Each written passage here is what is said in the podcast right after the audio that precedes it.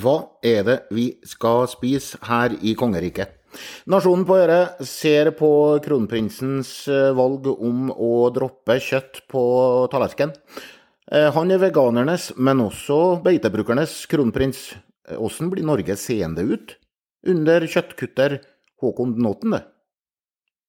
Vi er så mett her i landet. Hver overvektig er bror og venn. Når krybba er full, så kan hestene bites om de rareste ting. For eksempel, skal vi ha genmanipulert mat, som vi har hatt i 12 000 år allerede?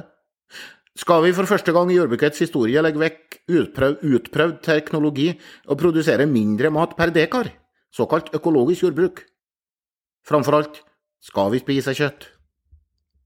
Miljøpartiet De Grønne i Oslo tapte hver tredje velger 11. Den autoritære matpolitikken til Oslo-byrådet, med tvungen begrensning av kjøtt i matfatet til hovedstadens underernærte eldre og pleietrengende, slo ikke an. Folk vil ikke ha grønn, øko-ideologisk ketsjup. Men før han går av, så rister MDG-byråd Einar Wilhelmsen ketsjupen ut av flaska og smører den utover hovedstadens unge. Kjøtt skal vekk fra Oslos barnehagekjøkken, med et forsøks, forsøksvis morsomt retorisk poeng. Wilhelmsen sier ingen har hørt om unger som spiser for lite pølse.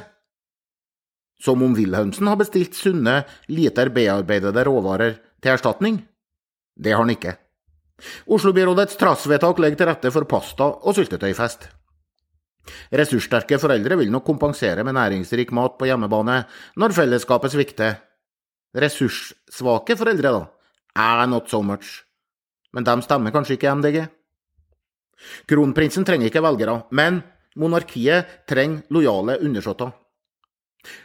Når Håkon nomineres til Planteprisen for å la være å spise kjøtt, så klikker nasjonens lesere.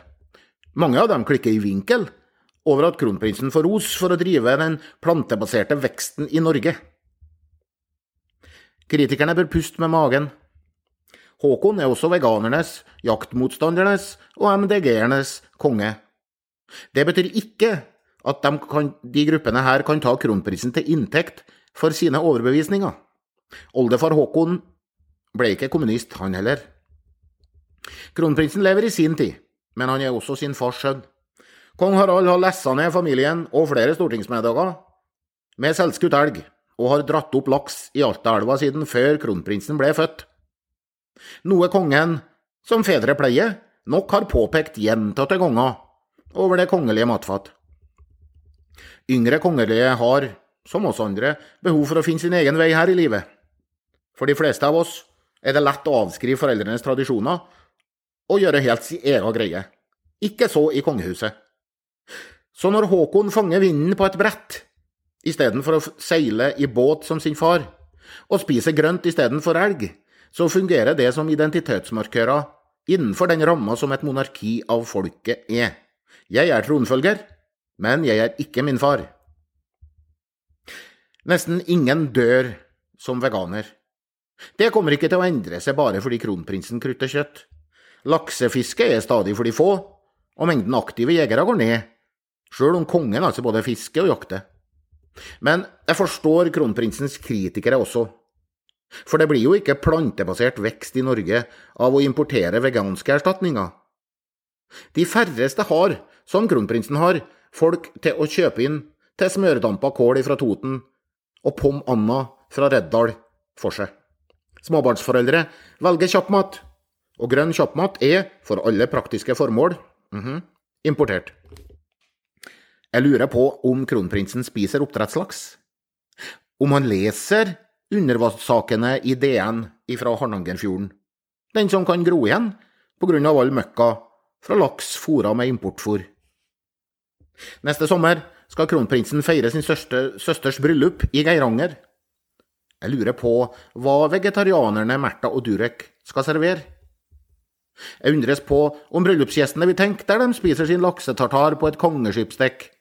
Åssen ser det ut under de merdene borti fjorden der? Jeg undres på om de tenker, mens de spiser salat og nyter utsikten mot Skageflå. Hvor kommer det fra, det landskapet her? Og hvor går det hen? De aller fleste av objektene på Unescos verdensarvliste må vernes for å bevares. De norske fjordlandskapene er et unntak. De bevares av kjøttproduksjon. Ole Petter Berget tilhører den lille og minkende gruppa av folk som stadig lager utsikt i kongeriket. Når sauenes solrike beitelier bygges ned av hytta, og melkekyrne havner på flatbygdene,